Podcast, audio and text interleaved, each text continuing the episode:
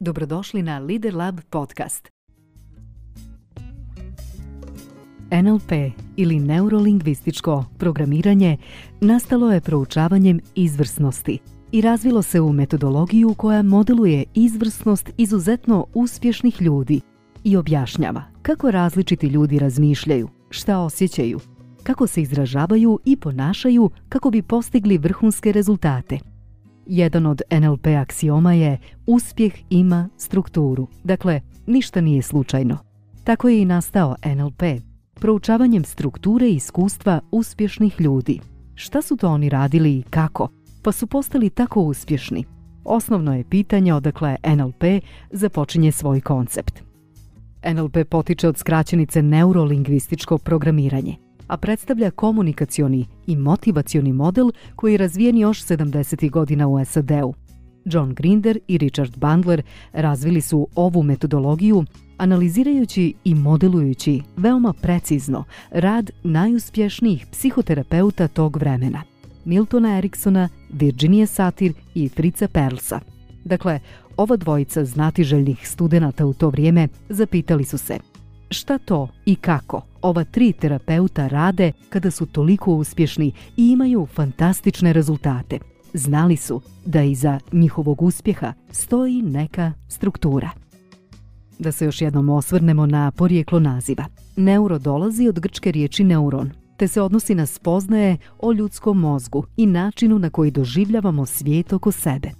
Lingvističko dolazi od grčke riječi lingua, odnosno jezik, te se odnosi na znanja kako naša komunikacija, kako verbalna, tako i neverbalna, utiče na nas i našu okolinu. Programiranje se odnosi na istraživanje i razumijevanje naših postojećih starih, mentalnih programa, odnosno uobičajenih načina razmišljanja, navika i strategija koje koristimo u svom djelovanju – što nam ponekad pomaže, ali i odmaže u postizanju ciljeva ili nas dovodi do neželjenih rezultata. Na nama je da detektujemo te programe i da ih zamijenimo korisnim. U današnjoj lekciji ćemo se osvrnuti na najvažnije NLP aksiome, odnosno vještine. Ostanite sa nama. NLP aksiomi NLP je baziran na fundamentalnim pretpostavkama o nama samima, našem ponašanju i svijetu oko nas, Pretpostavke od kojih polazimo u NLP-u nisu samo teorijski aksiomi. To su principi po kojima se živi i doživljava svijet. Ovdje izdvajamo samo nekoliko aksioma koji vam mogu pomoći da sagledate životne situacije iz drugačije perspektive. Vjerujemo da će vam biti korisni, a sada ćemo pomenuti one najvažnije.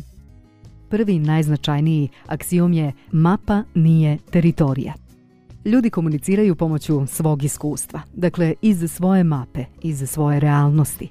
Svaki čovjek ima sopstvenu mapu svijeta i osnovno pitanje je da li mu je korisna ili nije u određenom trenutku, te da li je spreman da razumije i poštuje sagovornika sa drugačijom mapom.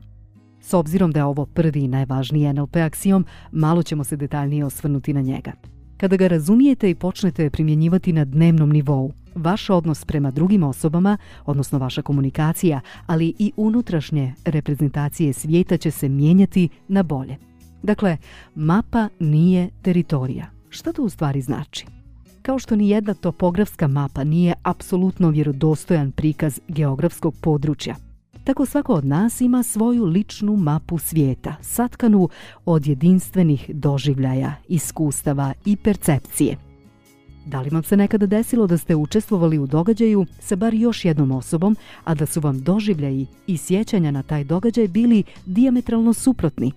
Naša mapa određuje kako doživljavamo prije svega sebe, pa i svijet oko sebe – mi ne možemo da se izopštimo iz sobstvene mape pri komunikaciji sa drugima. Međutim, možemo da osvijestimo da naša mapa nije jedina i tačna i da naši sagovornici primaju i šalju poruke iz svojih mapa. Mapa može da se mijenja ukoliko prestane da nam bude korisna.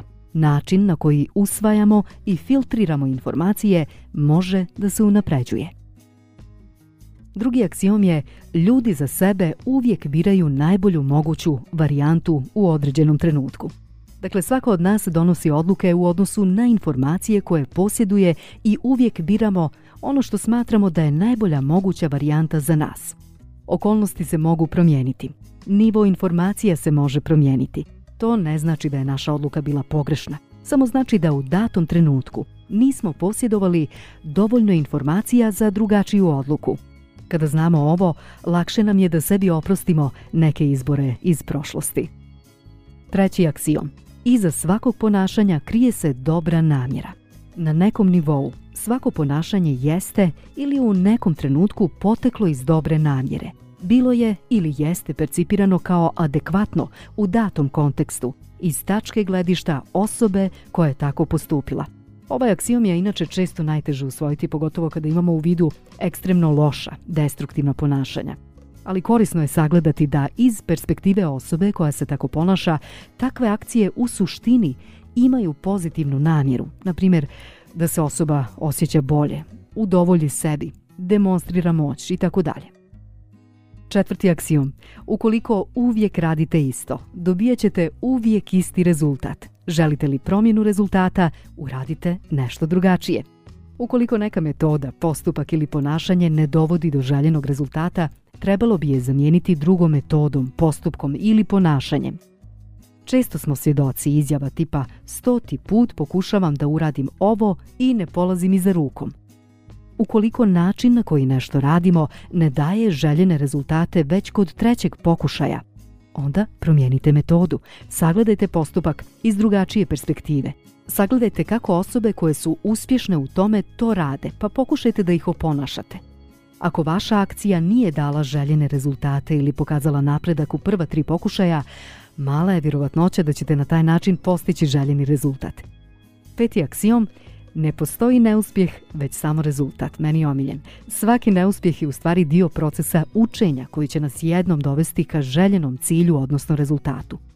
Iz neuspjeha najviše učimo i rastemo, kada analiziramo šta smo uradili i kako smo postupili, a nismo dobili željeni rezultat, po pravilu će nam se otvoriti ono što bi trebali drugačije da uradimo kako bi dobili željeni rezultat. Nadam se da vam ovo ima smisla. Šesti aksiom, uspjeh i iskustvo imaju strukturu. Ovo je jedna velika istina. Ukoliko želimo da postanemo izvrsni u nekoj oblasti, pored vrhunske vještine, potrebno je da ovladamo i strategijama, načinima razmišljanja, vrijednostima, uvjerenjima i vizijom koje imaju izuzetno uspješni pojedinci. To je podloga na kojoj se vještina razvija. Srž NLP-a je upravo modelovanje uspješnih, Dakle, uspjeh ima strukturu, ništa nije slučajno. Međutim, NLP polazi od toga da se vještine uspješnih ljudi mogu modelovati, ali nije moguće preuzeti i iskustvo osobe koju modelujemo. Iskustvo moramo sami kreirati. Ukoliko u proces kreiranja iskustva krenemo sa stavom radoznalosti i eksperimentisanja, napravili smo najvažniji prvi korak, što nas dalje vodi do sljedećeg aksioma. Ako želiš nešto da razumiješ, primijeni. Razumijevanje se nalazi upravo u primjeni i iskustvu koje proživimo. Osmi aksijom. Značenje komunikacije nije samo u namjeri koju smo mi imali, već i u odgovoru koji smo dobili od sagovornika. Važno je šta je osoba kojoj govorimo razumjela od nas i da li smo uspjeli da joj prenesemo namjeru svoje komunikacije. Deveti aksijom, obratite pažnju na ovaj, nije važno šta nam se dešava, važno je kako mi reagujemo na to i šta dalje radimo sa tim što nam se dešava, odnosno kakvo značenje dajemo. I sada, pazite kako teče taj proces. Značenje koje dajemo, to jest naša misa o nekoj situaciji, izaziva emociju u nama. Emocija izaziva određeno ponašanje, a ponašanje proizvodi određeni rezultat koji je za nas koristan ili nekoristan. Zato dobro razmislite o značenju koje dajete određenim situacijama, događajima, vijestima, odnosima, osobama i tako dalje. Deseti aksiom. Sve što živimo je posljedica našeg djelovanja. Drugim riječima, današnji dan rezultat je jučerašnjih napora. Svako naše djelovanje ima posljedicu na nas ili druge. Na nama je da preuzmemo odgovornost za svoje misli, riječi i djela. 11. aksiom, Ljudi koji nas okružuju su naša ogledala. Razmislite o ovome. U ljudima vidimo ono što nosimo u sebi. Bilo da nam se to dopada ili ne dopada. Nije slučajno što neke karakteristike i neke osobine kod drugih ljudi prepoznajemo. I 12. aksiom, uspjeh je balans ključnih životnih oblasti. Biti uspješan ne znači samo biti bogat i slavan. Uspjeh podrazumijeva osjećaj zadovoljstva i ispunjenosti u ključnim životnim oblastima, porodica, ljubav, međuljudski odnosi i tako dalje. Definicija uspjeha je individualna za svakog od nas. Vi definišite šta je za vas uspjeh. Nadam se da vam je ovaj dio lekcije o NLP aksiomima bio koristan i da ćete razmisliti o njihovoj primjeni. Aksiome naravno ne dokazujemo, to su univerzalni principi koje je preporučljivo primjenjivati u svakodnevnom životu.